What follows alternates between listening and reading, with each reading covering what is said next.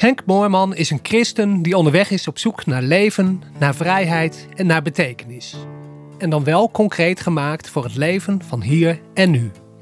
In deze podcast beluister je preken van hem, waarin hij graag met je deelt wat bijbelteksten hem hierbij te zeggen hebben, wat hij in zijn eigen leven heeft ontdekt en wat hij van anderen heeft opgestoken. Laat je inspireren bij je eigen zoektocht en ervaar de vrede van God. Wil je contact opnemen? Mail naar hcmoorman.outlook.com.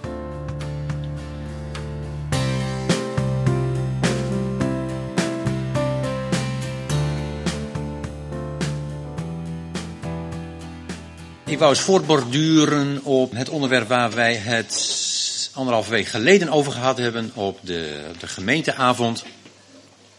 En het onderwerp was, hoe willen wij gemeente zijn? Onderhand hebben jullie mijn truc natuurlijk al door. Hè? Ik gooi af en toe gewoon een onderwerp in de groep. Op de gemeentevergadering of in de huiskring. En uh, met wat eruit komt, nou dat zijn weer de ingrediënten. Dan heb ik weer een preek. Dus het is eigenlijk heel simpel hoor. Je hoort gewoon terug wat je zelf gezegd hebt. Nou, laat ik eerst maar even een stukje lezen. Efeze 4. Vers 7 begin ik. En ik lees maar eens uit een andere vertaling. Als je het dus op een andere manier hoort, dan uh, gaat er opeens weer meer leven soms. Efeze 4, vers 7 voor wie mee wil lezen. En ik ga van 7 in één keer naar 11, ondertussen ligt een stukje dat, nou, is eigenlijk een stukje apart. Maar aan, uh, aan ieder van ons is de genade gegeven naar de maat van de gave van Christus. Vers 11, hij heeft sommigen gegeven als apostelen, anderen als profeten, anderen als evangelisten, anderen als herders en leraars, om de heiligen toe te rusten tot het werk van dienstbetoon, tot opbouw van het lichaam van Christus, totdat wij allen komen tot de eenheid vanuit het geloof. En vanuit het, de kennis of het kennen van de Zoon van God, tot een volkomen mens zijn en tot de volle maat van de rijpheid vanuit de Christus. Dan zullen we niet meer onmondig zijn, op en neer en heen en weer geslingerd door allerlei wind van leer, in het dobbelspel van de mensen in hun sluwheid, om tot dwaling te verleiden. Maar in liefde, de waarheid volgend, zullen wij in alles toe, toegroeien naar Hem die het hoofd is, Christus. En vanuit Hem wordt heel het lichaam wel samengevoegd en samengehouden door de steun van elk gewricht, naar de kracht die in ieder deel is toegemeten, bewerkt het de groei van het lichaam tot opbouw van zichzelf in liefde. Nou, hoe willen wij gemeente zijn? Wat voor gemeente willen we zijn? En dan vooral een beetje toegespitst op uh, wat willen wij betekenen voor de mensen om ons heen? De wereld zou je kunnen zeggen, voor je omgeving. Wat, wat merken die ervan? Wat willen wij dat die daarvan merken? Hoe willen wij vooral daarvoor uh, gemeente zijn? Nou, daar hebben we op verschillende manieren over zitten praten. Je kunt zus en je kunt zo. En op een gegeven moment zei iemand, ja, maar je praat eigenlijk over dingen die je niet kan organiseren. Nee, dat is ook zo. Voor een deel lastig omdat je streekgemeente bent. Een aantal mensen woont hier, maar een hele hoop mensen wonen her en der in de omgeving natuurlijk. Op een gegeven moment kwamen we op het spoor van, ja, wat wil je zijn naar buiten toe, maar dat hangt toch af uiteindelijk van hoe het binnen is. En dat vond ik wel heel verhelderend. En wat mij betreft is dus eigenlijk de vraag niet zozeer hoe willen wij gemeente zijn, maar willen wij gemeente zijn? Willen wij gemeente zijn? Uh, want als je dat bent, dan komt dat op een manier er wel uit. En dan zal het er ook wel uitkomen op de manier die bij ons past, zoals wij gemeente zijn.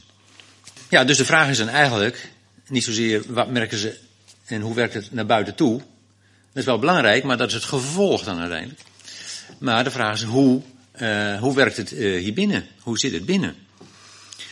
Want de Bijbel zegt, gemeente zijn uh, is functioneren als een lichaam.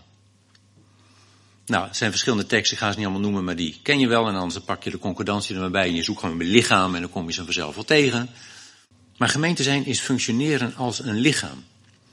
Een lichaam is geen doel op zich, hè? Een lichaam is geen doel op zich. Mijn lichaam heb ik nodig om mij te kunnen uiten. Om mij te kunnen meedelen. Om te kunnen communiceren met uh, anderen. Om ergens te kunnen komen, hè, heb ik mijn voeten nodig. En om te kunnen, wil ik iets klaarmaken, wil ik iets doen, dan heb ik mijn handen nodig. Daarzonder lukt het gewoon niet. En vooral de communicatie, de expressie, de communicatie. Ik wil mij meedelen aan anderen. Hoe zal ik dat zonder lichaam doen? Misschien heb je wel eens de ervaring, eh, en geval is dat wel een bekend gegeven, dat bij, als je communiceert via de e-mail, dan heb je veel eerder het risico dat het verkeerd overkomt. Waarom? Ja, omdat alleen de platte tekst, eh, die ziet die ander in zijn schermpje, maar de rest niet.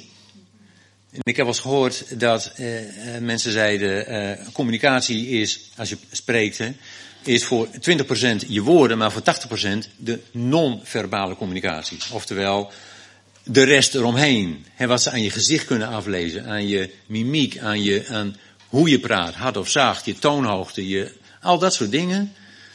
Maakt dat een mededeling wordt begrepen als, oeh, hij is boos bijvoorbeeld, of uh, hij is ontstemd, of juist op een positieve manier wordt geïnterpreteerd. Ik kan dus niet zonder dat lichaam. Wat dat betreft uh, denk ik wel eens, ik wou dat God die zelf was en dat die gewoon eens, nou eens las, hè, voorlas zou ik maar zeggen. Uh, dat je hem erbij kon zien, hoe die keek, hoe die naar ons keek, hoe die, de gebaren hè, die, die je erbij maakt. En van oorsprong is de Bijbel eigenlijk ook niet een boek om te lezen, maar om te horen. Hè? Hoor Israël, hoor. De Heer uw God is één. Het werd ook voorgelezen hè? in de synagoge. Ja, dan kon je het horen. Nou, dat lukt je niet zonder lichaam. Uh, en wat ons niet lukt zonder lichaam, dat geldt even goed voor God. Dat lukt God ook niet zonder een lichaam. Uh, God heeft een lichaam nodig. Als er staat, al zo lief heeft God de wereld. Niet al zo lief heeft God de volle evangelie gemeente in Kampen en omstreken. Nee, al zo lief heeft God de wereld dat hij zijn enige geboren zoon zond. Dan is dat om zijn liefde te laten zien aan de wereld. En kennelijk kon hij dat niet zelf. Hij zegt niet, nou dat zal ik zelf eens laten zien. Nee, hij had iemand nodig die die kon zenden. Een lichaam. Een lichaam. Een mens staat er van vlees en bloed. Er staat eigenlijk van gelijke beweging als wij. Die had God nodig. Zonder lichaam redt God het niet. En zo kan hij zijn liefde laten zien aan de wereld. Want dat is uiteindelijk waar het allemaal om gaat. Hè? Dat Gods liefde bekend wordt bij ieder mens. En dan is dan ieder mens om te zeggen, nou daar ga ik op in of niet. Nou, zo werkt God door een lichaam te beginnen bij ons. Bij de zijnen, hè? niet alleen hier uiteraard, maar door de zijnen. De mensen die ja tegen hem hebben gezegd. En vervolgens door die zijnen heen naar de wereld toe. Ja, en dat lichaam noemt de Bijbel de Christus. Even een stukje Bijbelstudie. heel vaak staat er bij ons Christus, maar in andere vertalingen ook deze. Naar de maat van de gave van de Christus. Dat gaat niet alleen over Jezus, dat gaat over de Christus. En dat lichaam heeft een hoofd, Jezus, en ledematen, en dat zijn wij. Nou, dat, daar heb je het lichaam van God. Daar heb je het lichaam van God. En daardoorheen werkt hij, kan hij zich uiten. En dat betekent dat ook Jezus geen doel op zich is. Hè? Er zijn gelovigen die zich helemaal richten op Jezus als doel. Jezus, Jezus, Heer, als wij maar, nou ja, helemaal met u kunnen versmelten, helemaal kunnen opstijgen tot. Eh, nee, Jezus' leven is eigenlijk één grote heenwijzing naar zijn Vader. Je hoort Jezus nooit zeggen, jongens, het gaat om mij. Aanbid mij. Nee, Jezus is gekomen om tot uitdrukking te brengen hoe zijn vader was. Dat staat er ook van hem. Hij heeft ons laten zien hoe de vader is. Nou, daarvoor is hij gekomen. En om ons met de vader te verzoenen. Hè? Om de weg naar de vader weer te openen. Maar hij is geen doel op zich, Jezus. Hij is onderdeel van het lichaam. En wel het belangrijkste onderdeel, het hoofd. Van waaruit dus alles wordt aangestuurd is een moderne term, geïnspireerd zou je kunnen zeggen. Ja, vanuit hem. Staat ook hier, hè? Tot de volle maat van de rijpheid vanuit Christus. En vanuit hem wordt heel het lichaam wel samengevoegd en samengehouden enzovoort. Vanuit hem gebeurt het. Maar hij is onderdeel van het lichaam. Nou, wat maakt ons tot lichaam?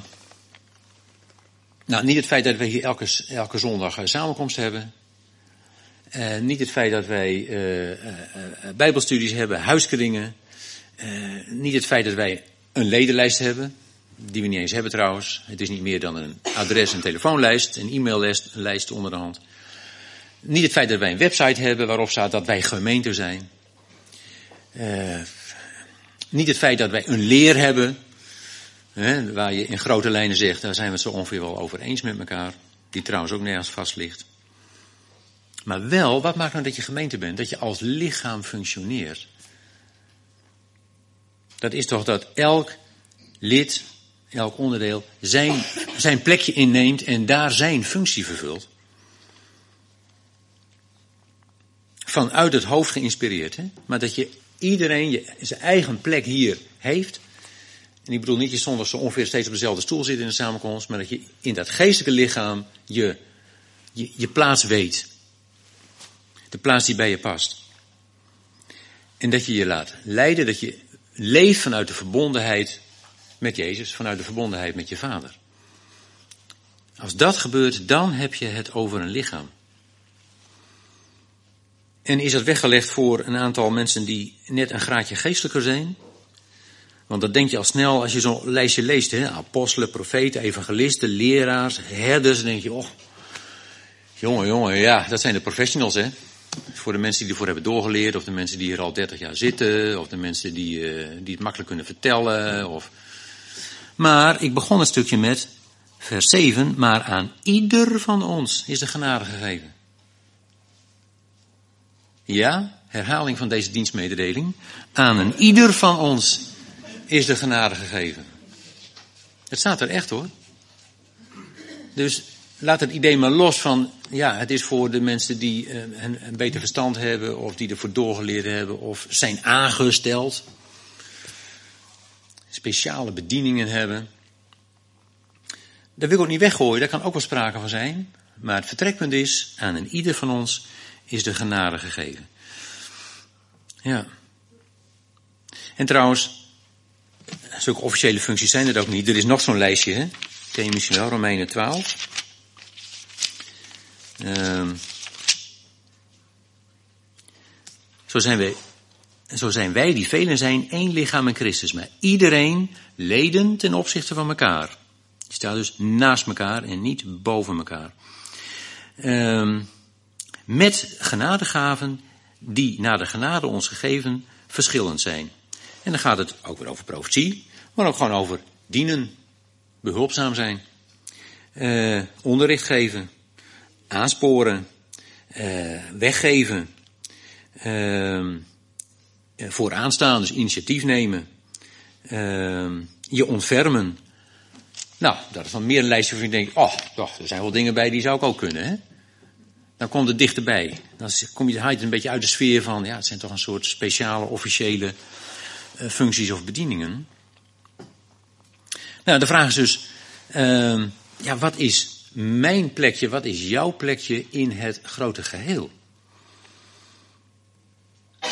Wat is mijn plaats? Wat is, welke genade aan ieder van ons is de genade gegeven enzovoort?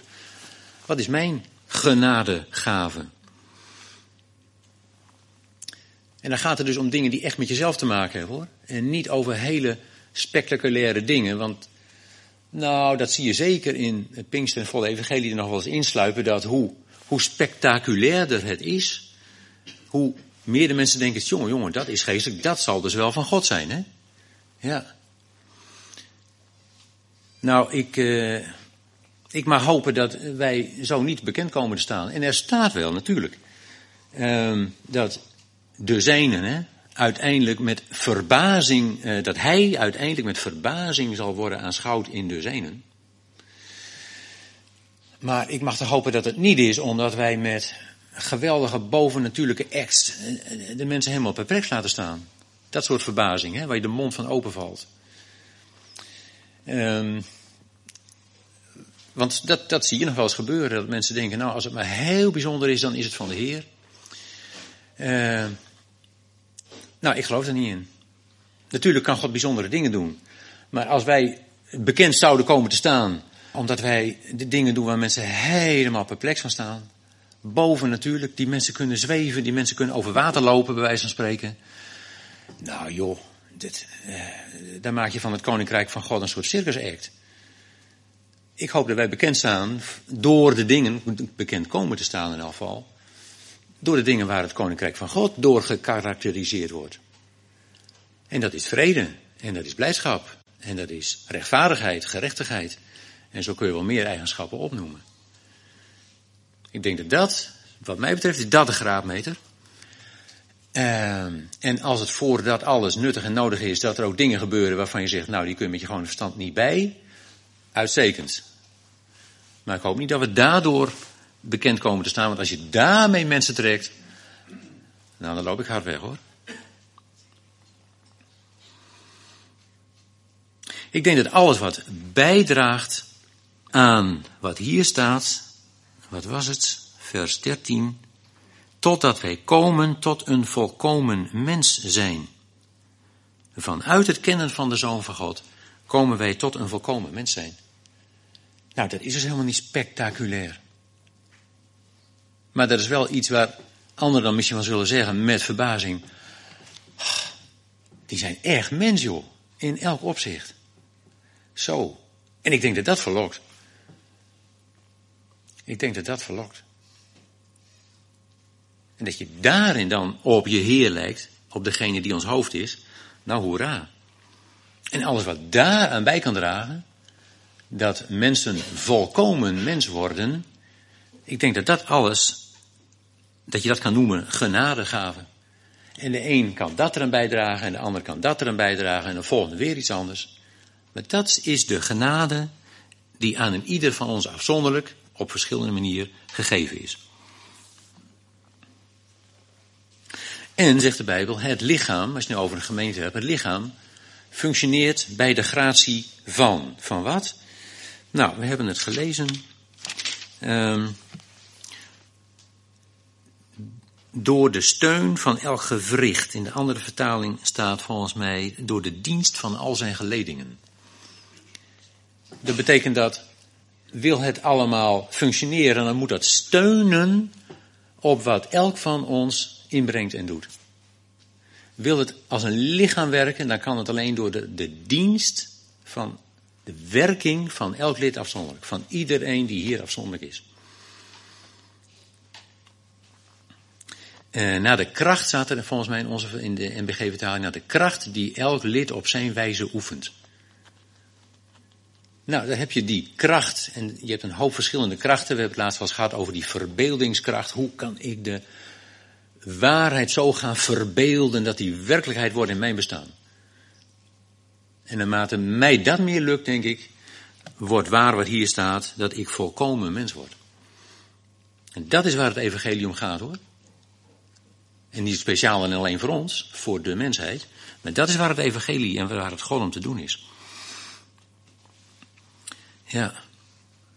Nou, als je dat bedenkt, hè, en dat wij één hoofd hebben, maar verder staat hier leden zijn, allen leden ten opzichte van elkaar. Dus een heeft niks over de ander te zeggen.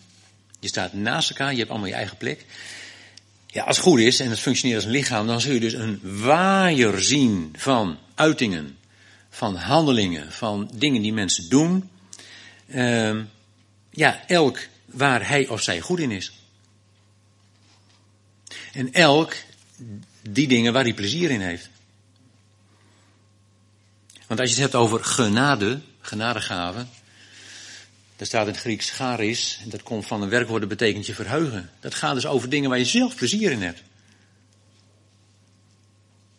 Dus functioneren in het lichaam heeft altijd te maken met dingen doen die bij je passen. Waar je zelf weer uh, die energie opleveren. Want het past bij je. Je kunt jezelf erin kwijt. Dan zul je een waaier zien van allerlei prachtige dingen uh, die mensen doen, omdat ze zich ertoe geroepen voelen. Niet omdat het moet, want zo doen wij dat nou één keer. Maar omdat je je ertoe aangetrokken voelt, omdat je je ertoe geroepen voelt. Misschien ook wel omdat je daartoe geïnspireerd wordt. Want dat moet je ook niet uit elkaar gaan trekken. Wat in jezelf opkomt waarvan je zegt, goh ja, lijkt mij nou mooi om te doen. Ja, dat komt uit jezelf. Maar jij bent verbonden met Gods geest, dus daar komt het ook uit. Als het goed is en als je zo lichaam functioneert, dan, dan zul je een enorm geschakeerd palet zien, hè, laat ik het zo maar zeggen. Waarin elk lid op zijn wijze bezig is. Die veelkleurigheid. Want het kan toch geen toeval zijn dat ons teken van hoop, de regenboog, het teken is van de veelkleurigheid. Onze hoop is dus de veelkleurigheid. Daar ben ik van overtuigd hoor. En dus is de vraag, wat is mijn eigen wijze? Elk lid op zijn eigen wijze. Wat is jouw eigen wijze? Je eigen wijze. En daar mag je ook best een beetje eigenwijs bij zijn. Maar het gaat vooral natuurlijk om jouw manier. Jouw eigen wijze. Wat bij jou past. En daar is soms best durf voor nodig. Ja.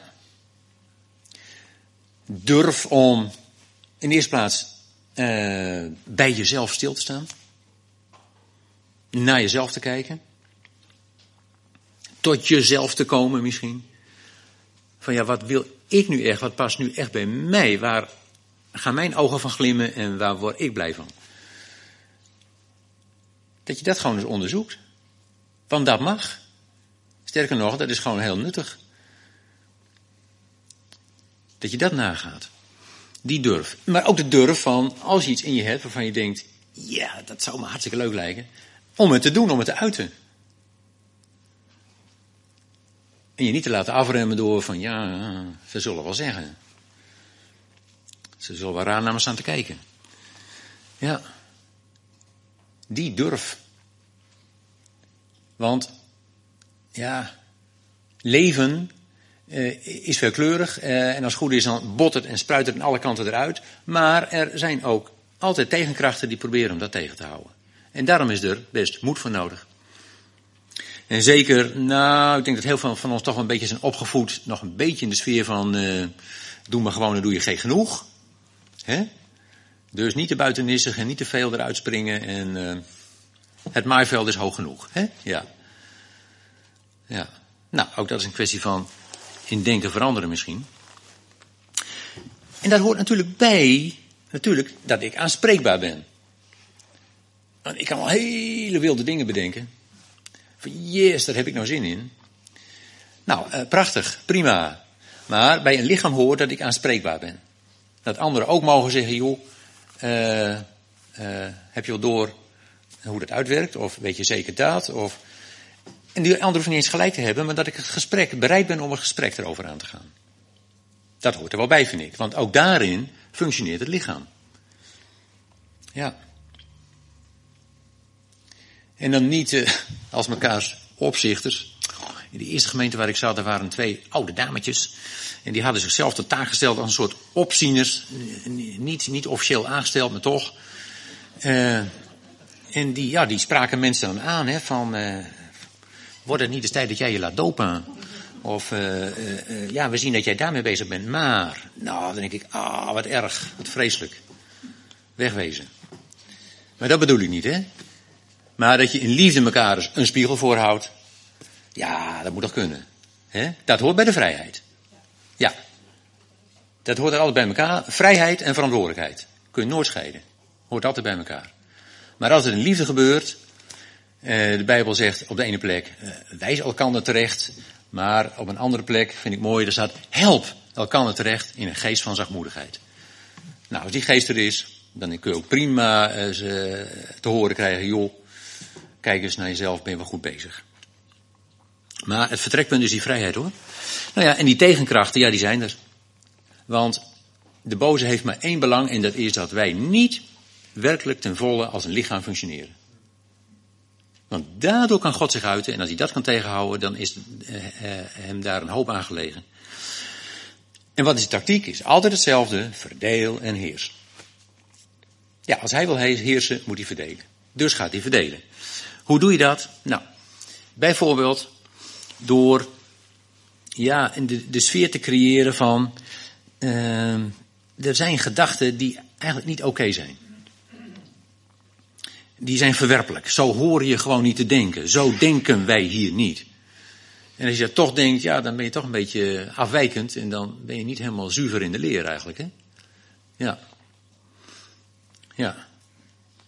Nou, dat brengt altijd een soort scheiding teweeg, want je krijgt dan mensen die, uh, die helemaal recht in de leer zijn.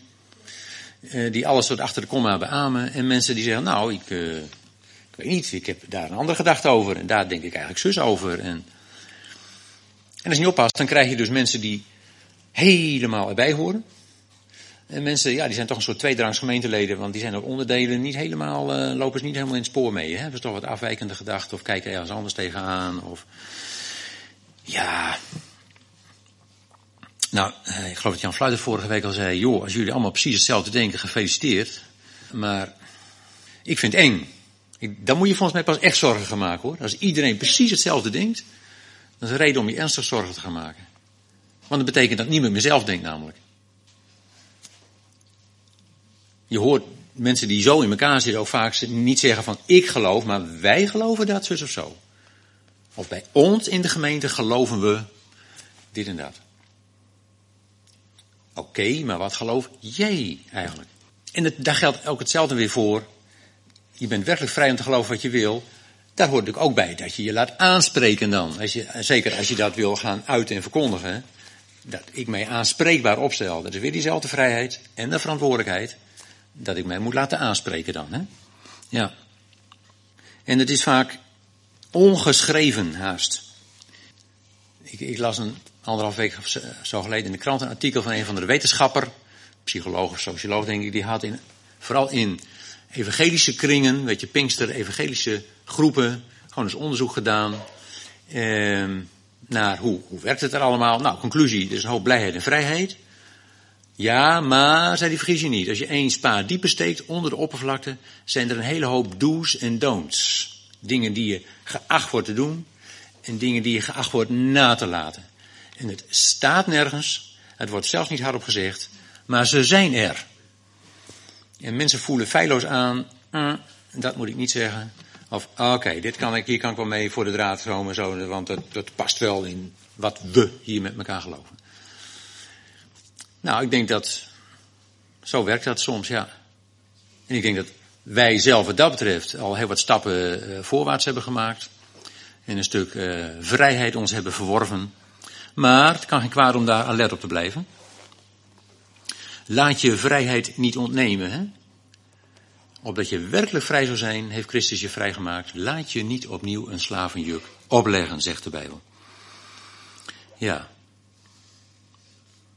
En laten we elkaar gewoon daarin stimuleren. Hè? In dat je elkaar, dat je de ander onderkent. Van hé, hey, maar die is daar goed in. Hé, hey, dat hoort bij die of die.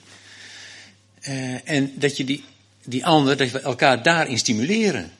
Om je daarin verder te ontwikkelen, om daarin te groeien, om je daarin te durven uiten.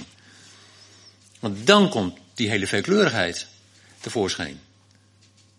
Dan zul je steeds meer de regenboog zien. Ja. En tegenkrachten had ik het over. Wat mij bijbleef, bijbleef van vorige week. Uh, die preek van Jan Fluit. Het stukje over uh, Petrus met zijn droom. Hè? Petrus die in, of een gezicht eigenlijk. Die in dat gezicht het hele laken naar beneden krijgt met al die dieren, onrein. Uh, waarvan hij uiteindelijk zegt, wat heb ik er nou van geleerd? Ik heb ervan geleerd dat ik geen mens voor onrein of verwerpelijk moet houden. Ik denk, nou, dat is ook een belangrijke. Want dat is ook een manier om scheiding te maken tussen mensen. Dat je denkt, nou, die. Nee hoor. Dat, uh, dat die maar niet. En want zo zaten de Joden in elkaar. Hè, van, nou, er was een hoop onrein daar hoor. In elk geval alle heidenen en uh, Samaritanen uh, en vrouwen als ze ongesteld waren en een hele hoop dieren. En ze hadden een waslijst van wat er allemaal onrein was. Nou, daar hebben we niet zoveel last meer van. Maar dat idee van verwerpelijk. Van nou nee, die maar niet. Je kunt er zelf ook last van hebben. Dat je denkt, nou ik niet hè. Dat, ik vond dat een mooi beeld net van het orkest. Dat iemand denkt, ja, dit, dit geluid, mijn geluidje. Dat, dat, nee, dat past hier niet hoor. Nou, dan krijg je dus mensen die aan de zijlijn staan. En dan heb je al, dan heb je al verdeeldheid. Mensen die wel en mensen die niet er echt bij horen. Verwerpen is, is, is iets van je afstoten. Hè? Eigenlijk buiten je leven sluiten, opgeven. Geef het maar een schop, dat, dat moet je hier niet, niet erbij hebben. Verwerpen, het is tegenovergestelde van accepteren.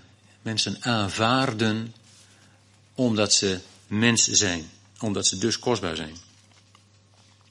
En natuurlijk, mensen kunnen gedrag vertonen. Gedrag waarvan je zegt, oh, dat is helemaal oké, dat eh, past wel bij mij. Maar ook wel gedrag wat ver van je afstaat.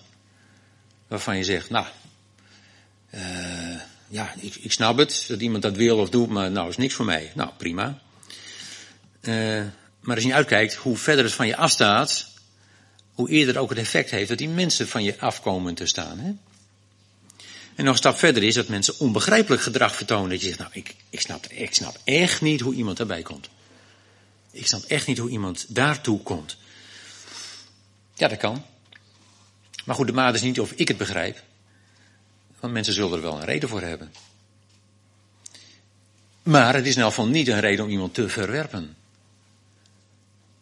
Want ja, het is natuurlijk bij mensen al gauw zo wat vreemd is, is raar. Raar is trouwens, betekent oorspronkelijk zeldzaam. Ja, iets wat zeldzaam voorkomt, daar zeggen mensen al snel van, nou, dat, dat is vreemd, dat is raar, dat eh, moet je een beetje ver van houden hoor. En het kan natuurlijk ook nog voorkomen dat mensen inderdaad verwerpelijk gedrag vertonen. Dat je zegt, ja, dit, dit kan echt niet joh. Hier lust echt de honden geen brood van, dit kan niet. Nou, en om dan nog niet die mensen te verwerpen, nou, ik vind dat vreselijk moeilijk hoor. Dan heb ik echt een neiging om die mensen ook een schop te geven. Nou, dat is nog wel even een weg te gaan, in elk geval als ik voor mezelf spreek. Maar als je dan naar God kijkt die nooit een mens heeft verworpen, kijk naar die verloren zoon. Je kan je vader niet meer schofferen dan te zeggen, pa, doe mij de helft van de erfenis maar. Je verklaart je vader eigenlijk voor dood, hè? En toch nou, verwerpelijke gedrag kun je nauwelijks voorstellen. En toch niet die zoon verwerpen, maar hem blijven aanvaarden. De deur open blijven houden, de hand uitgestoken blijven houden. En dat wil niet zeggen dat je allemaal dingen moet goed praten of goed moet vinden. absoluut niet. Absoluut niet. En dan kom ik weer op dat elkaar erop aanspreken. Dat mag best. Dat mag best. Ja. Maar dan blijf je wel met elkaar in gesprek. Ik denk dat dat de kunst is, om, om, om de mens intact te houden en binnenboord te houden. En als je dingen tegenkomt waarvan je zegt, nou joh, sorry, maar volgens mij kan het echt niet. Nou, dat je dan in alle liefde daar rustig wat van zegt. Dat is ook best een kunst en daar is ook best moed voor nodig. En daar kunnen we ook nog wel wat in leren volgens mij. Maar goed, we leren steeds meer. Ja. En ja, wat dat betreft is de gemeente misschien wel een hele mooie plek om te oefenen, denk ik dan. Hè? Want als je dat in de omgeving, nou als je nou over verwerpelijk gedrag hebt, sla even de krant op, uh, kijk naar het nieuws, uh, hoeveel ellende zie je daar niet. Ook ellende veroorzaakt door mensen waarvan je zegt, hoe, kun je het, hoe krijg je het voor elkaar? Dan is het misschien heel goed, want wil het daar ons ooit lukken om met barmhartigheid naar mensen te kijken en van, van gedrag te zeggen dat dat willen we echt ver van ons werpen.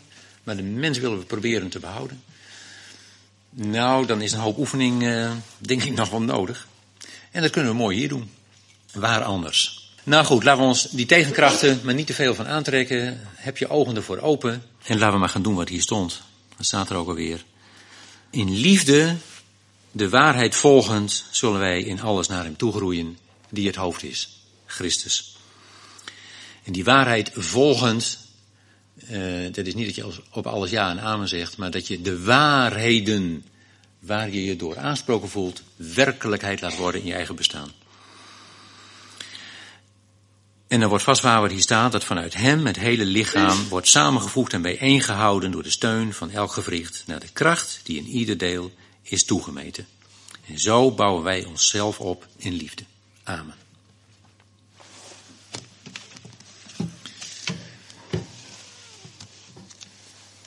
Goed, zullen we bidden?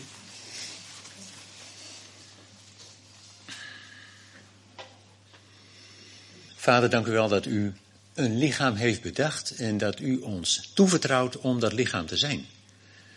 Nou, Heer, ik, uh, we bidden dat we ook ontdekken hoe wij als lichaam van u steeds meer, steeds beter kunnen functioneren en wat het aandeel van ieder van ons daarin is. Dat geen mensen het gevoel hebben, wij staan aan de zijlijn, wij doen er niet zo toe, wij passen niet helemaal in het straatje of wat dan ook. Maar dat iedereen de vrijmoedigheid neemt om naar zijn aard uw lichaam te vormen in het grote geheel. Dank u wel dat uw geest er is om daar uh, één geheel van te maken. Dat het werkelijk een eenheid is, dat we daar ook op mogen vertrouwen. Ja, en dan hoeven wij niet zoveel te organiseren. Dan is het uw geest die ons daarin samenbindt. Heer, ik bid ook dat we onze, ja, onze horizon ruim houden. Dat we zien dat het niet is om hier alleen maar samen gezellig gemeente te zijn. Maar opdat u zichzelf kan laten zien aan de mensheid waar u zoveel van houdt. Wil je contact opnemen? Mail naar hcmoorman.outlook.com